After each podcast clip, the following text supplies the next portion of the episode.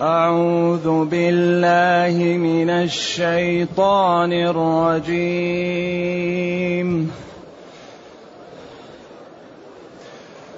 فلا تعجل عليهم فلا تعجل عليهم إنما نعد لهم عدا.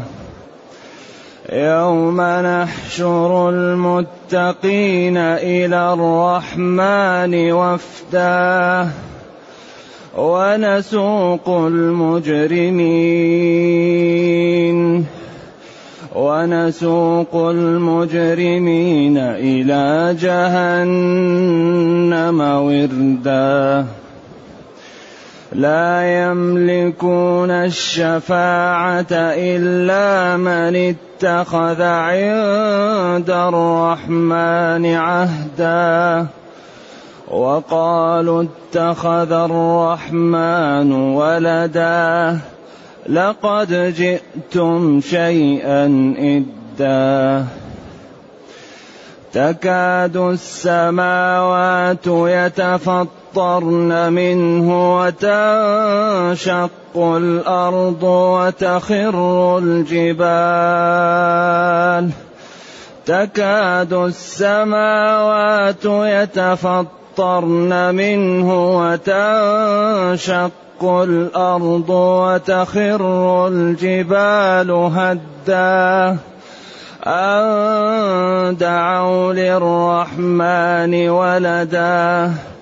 وما ينبغي للرحمن ان يتخذ ولدا ان كل من في السماوات والارض الا اتي الرحمن إن كل من في السماوات والأرض إلا آتي الرحمن عبدا. لقد أحصاهم وعدهم عدا. وكلهم آتيه يوم القيامة فردا. ان الذين امنوا وعملوا الصالحات سيجعل لهم الرحمن ودا فانما يسرناه بلسانك لتبشر به المتقين فإنما يسرناه بلسانك لتبشر به المتقين وتنذر به قوما وتنذر به قوما لُدًّا. وكم أهلكنا قبلهم من قرن هل تحس منهم من أحد؟ هل تحس منهم من أحد أو تسمع لهم ركزا؟ الحمد لله الذي أنزل إلينا أشمل كتاب وأرسل إلينا أفضل الرسل وجعلنا خير أمة أخرجت للناس. فله الحمد وله الشكر على هذه النعم العظيمة والآلاء الجسيمة. والصلاة والسلام على خير خلق الله وعلى آله وأصحابه ومن اهتدى بهداه. ما بعد فإن الله تعالى يكرر في القرآن طريق الناجين وطريق الهالكين. ويكرر ويأتي بأساليب متنوعة. وبطرق عجيبة لتنجى الناس وليكون كل واحد على بصيرة من أمره. لأن الله لما خلق البشر خلقه لا يتمالك وخلق الإنسان ضعيفا. ركبت فيه الشهوة والضعف. لذلك ربه رحمه وهيأ له الأسباب التي ينجو بها. أول الكلام. يقول جل وعلا فلا تعجل عليهم. فلا تعجل يا نبيي عليهم على هؤلاء الكفار. إنما نعد لهم عدا. أنفاسهم أو أيامهم أو أعمارهم أو أعمالهم.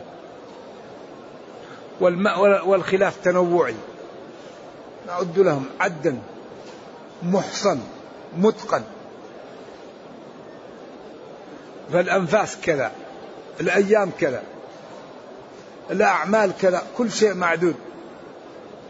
فإذا انتهى ذلك نقول له تعال عملت كذا يوم كذا وجاءتك الرسل يوم كذا وقالت لك كذا وكذا.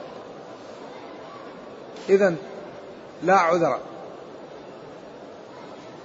إنما نعد لهم عدا نحصي عليهم أنفاسهم أعمالهم أعمارهم أوقاتهم. كل شيء يعملوا معدود عليهم عدا. نعد متى؟ يوم نحشره. نعدوه عدا يوم نحشر المتقين. إنما نعد لهم ذلك عدا في اليوم الذي نحشر المتقين إلى الرحمن وفدا. نحشر المتقين في في صفة الوفود. والوفود من عادتهم أن يكونوا على مراكب فارهة وعلى يعني صفات جميلة وعلى لباس فاخر. لأن ما يؤخذ الوفد ويروحوا للناس المبهدلة ويرسلوها في الوفد. ما ما يكون كذا. الوفد يكون من خيار الناس عقلا وجمالا ومنظرا وهيبة ونعمة. إذا نحشر المتقين إلى الرحمن وفدا محترمين مكرمين على مراكب فارهة.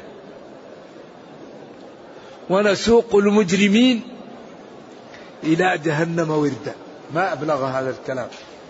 قال يوم نحشر المتقين نجمعهم في صفة الوفد. أما المجرمون قال ونسوق. ما قال ونحشر؟ ونسوق قال. المجرمين إلى جهنم وردا عطاش لأن الذي يذهب إلى الورد من كان عطشا. ويترتب على ذلك الشعث والتعب وأعوذ بالله سوء الحال. لا يملكون الشفاعة. في ذلك اليوم لا يملكون الشفاعة. لا أحد يملك الشفاعة سواء هو شافع أو مشفوع فيه. إلا من اتخذ عند الرحمن عهدا.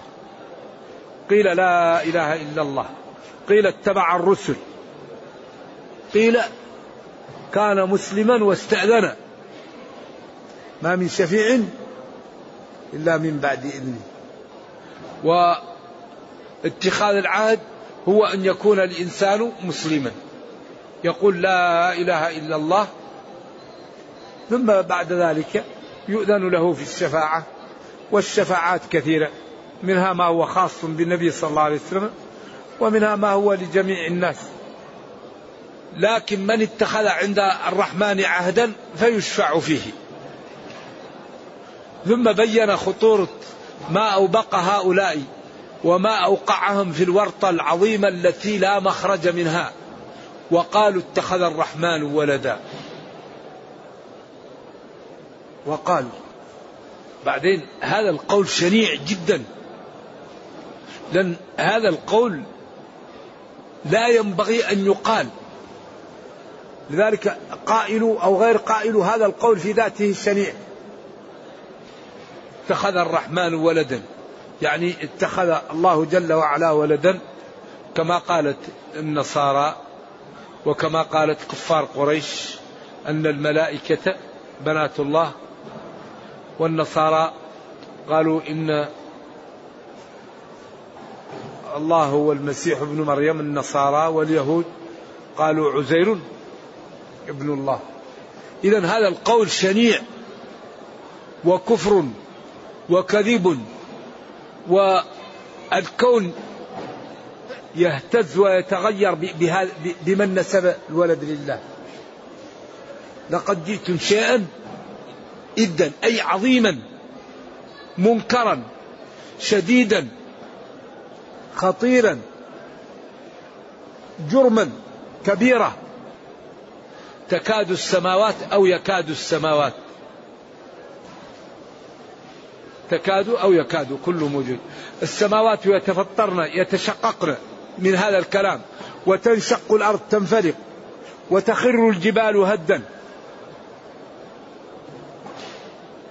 لما لا أن دعوا لأجل أن دعوا إلى الرحمن ولدا.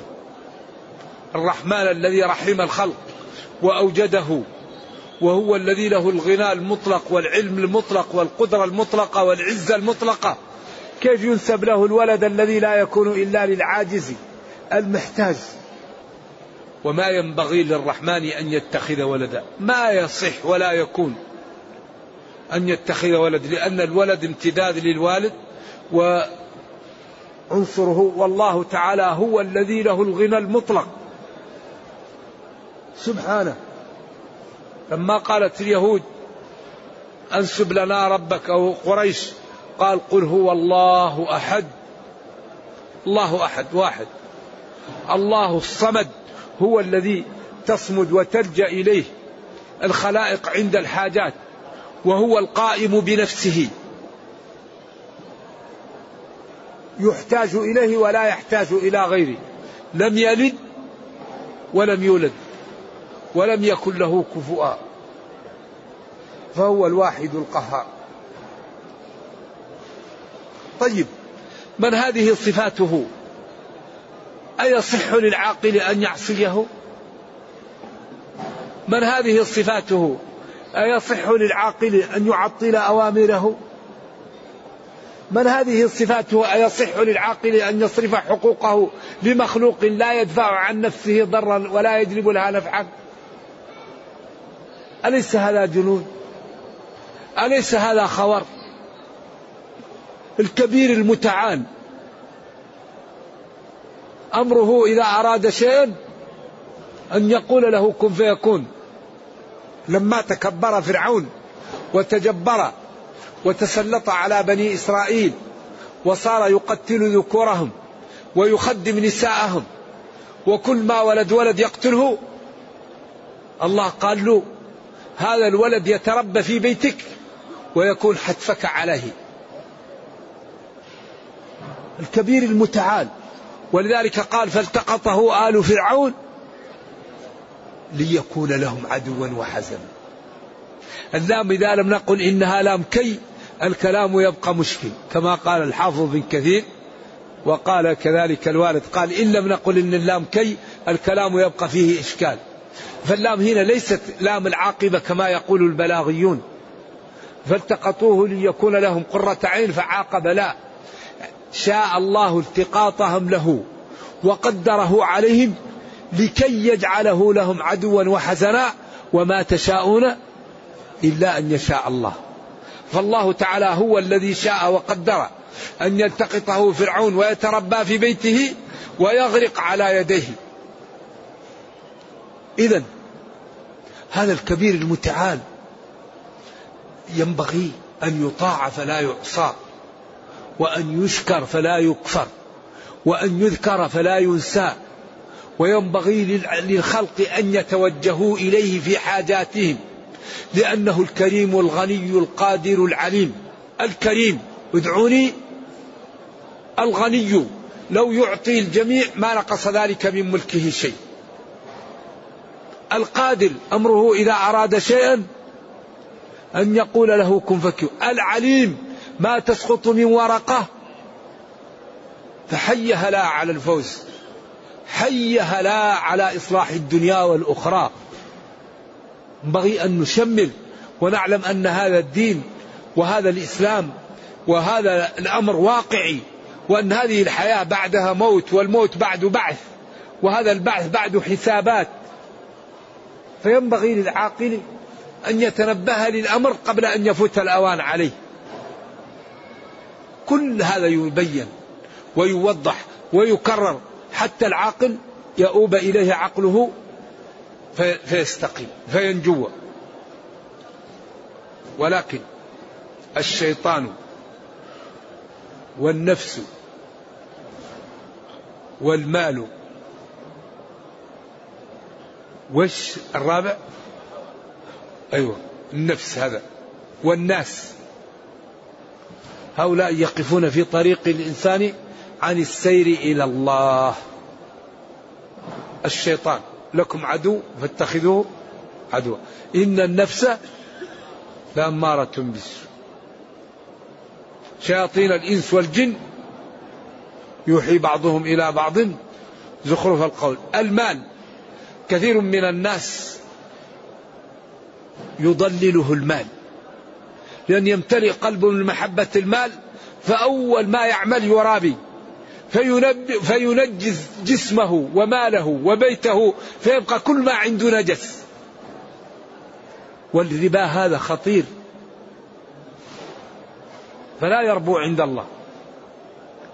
يعتدي على الأيتام يعتدي على الضعاف. ينجش يغش. لذلك ينبغي لنا أن نهتم بالعبادات ونؤديها على المواصفات المطلوبة لنجد ثمرتها وتقبل منا فتكون مدعاة للاستقامة. أكبر مدعاة للاستقامة هي الاستقامة. هذا شيء لا نتنبه له وهو في غاية الخطورة أكل الحرام. من منا إذا أراد أن يأكل يبحث عن الحلال. الذي يأكل الحرام يقسو قلبه. الذي يقسو قلبه يتكاسل عن صلاة الجماعة.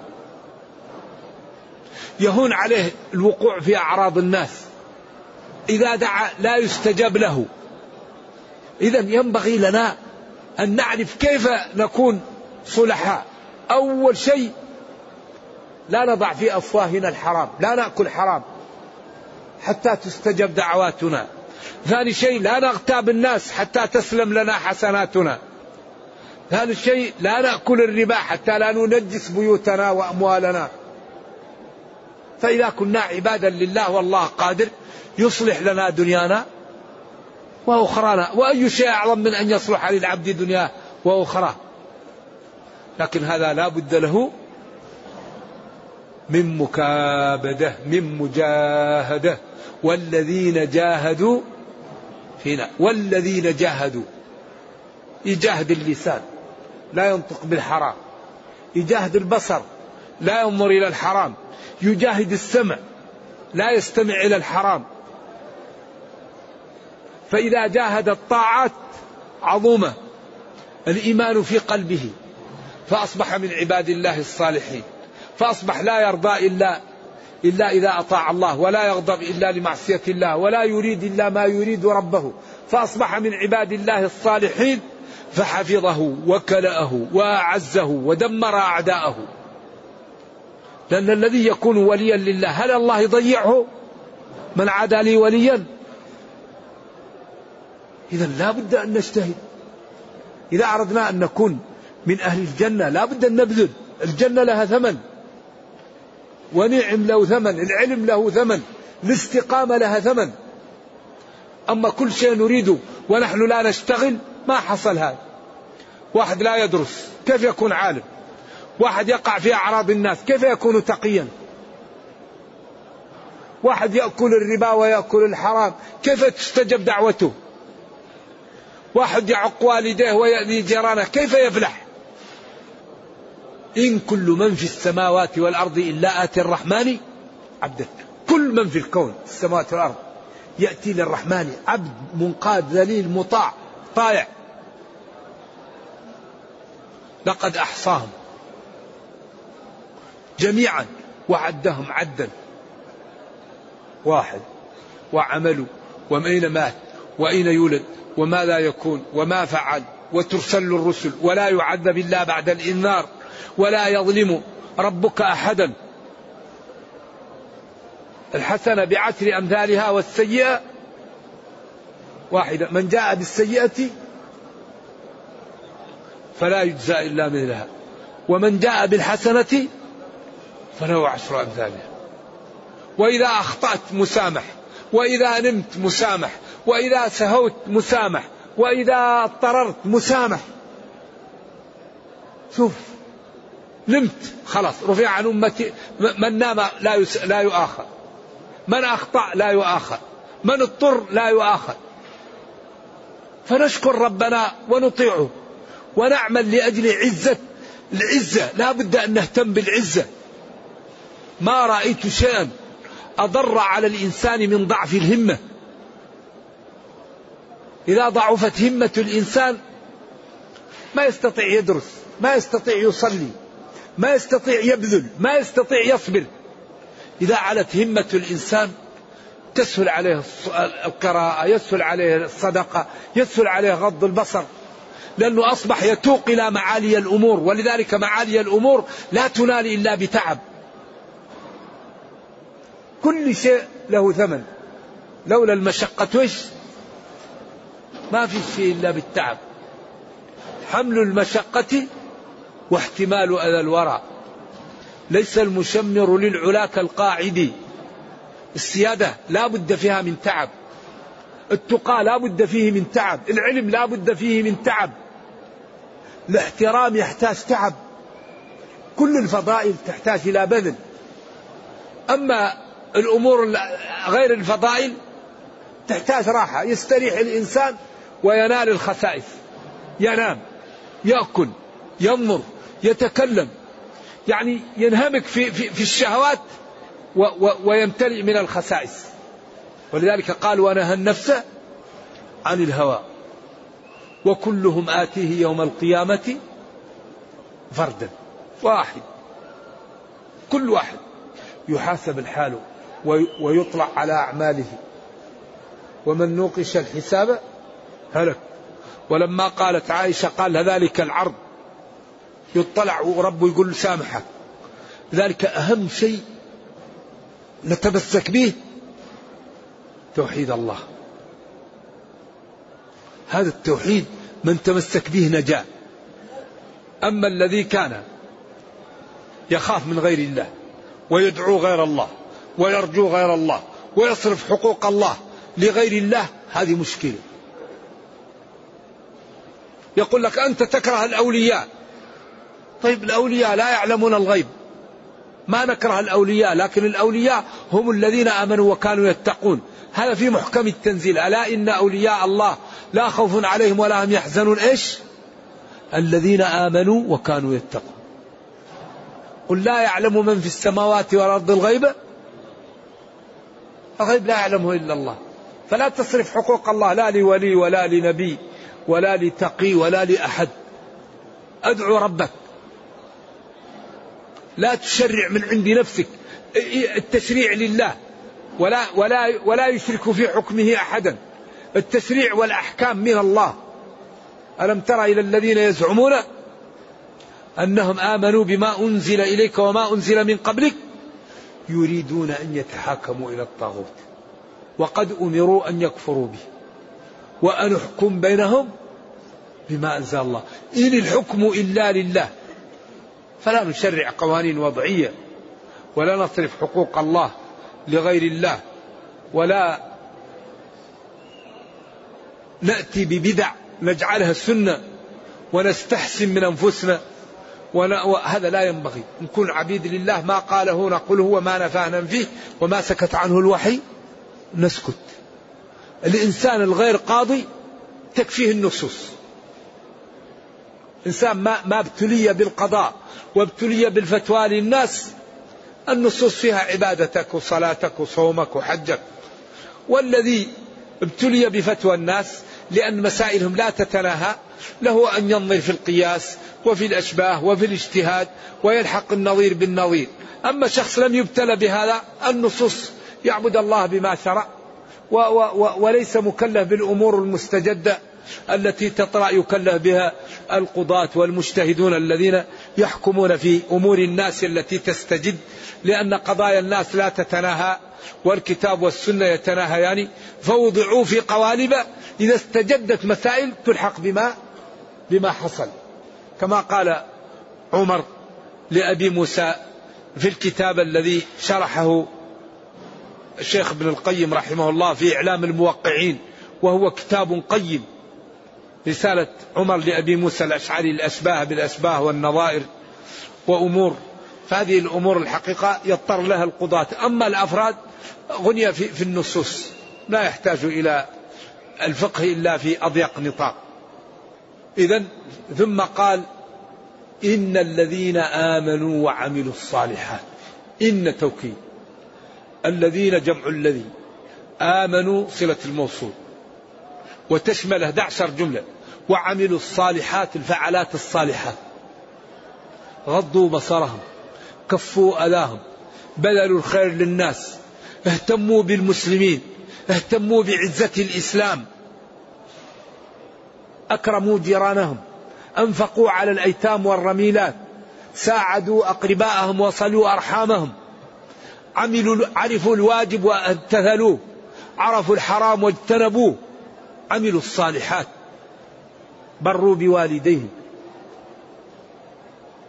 قوا أنفسهم وأهليهم نارا. نصحوا لله ولدينه ولكتابه ولأئمة المسلمين وعامتهم. قاموا بما يلزم. عملوا الصالحات سيجعل لهم الرحمن ودا. بعض الزنادقة قالوا هذا الأسلوب غير جيد. ورد عليهم الخطابي في رسالته القيمة. إعجاز القرآن. كما انتقدوا أكله الذيب. وقوله للزكاة فاعلون. وقالوا هذه الأساليب يعني فيها ما فيها.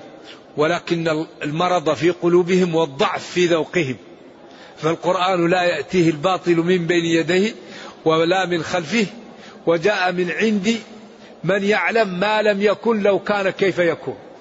فهو عالم بالحروف الجميلة وبالكلمات الجميلة وبالمعاني الجميلة وبالنظم الجميلة فأودع كلامه أحسن الحروف في أحسن الكلمات في أحسن المعاني في أحسن النظم. فمن يستطيعه؟ أما هم فعندهم آه يعني الضعف والقصور. ولذلك قالوا أكله الذيب لما يقول أكله الذيب لما لا يقول افترسه. وعابوا هذه الكلمات وقد رد عليهم الخطابي ردا شافيا فقال إن أكله الذيب هي التي تصلح في هذا المكان لأنهم لو قالوا افترسه الذيب لقالوا أتينا ببقاياه ولكن قالوا أكله الذئب كل حتى لا يطالب بشيء منه.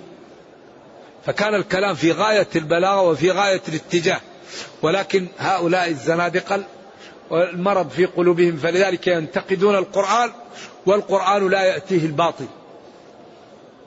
فذلك هذا الكتاب معجز قائم بمصالحنا إلى قيام الساعة لو يجتمع أهل الأرض ليجدوا فيه خطأ لا يستطيعون.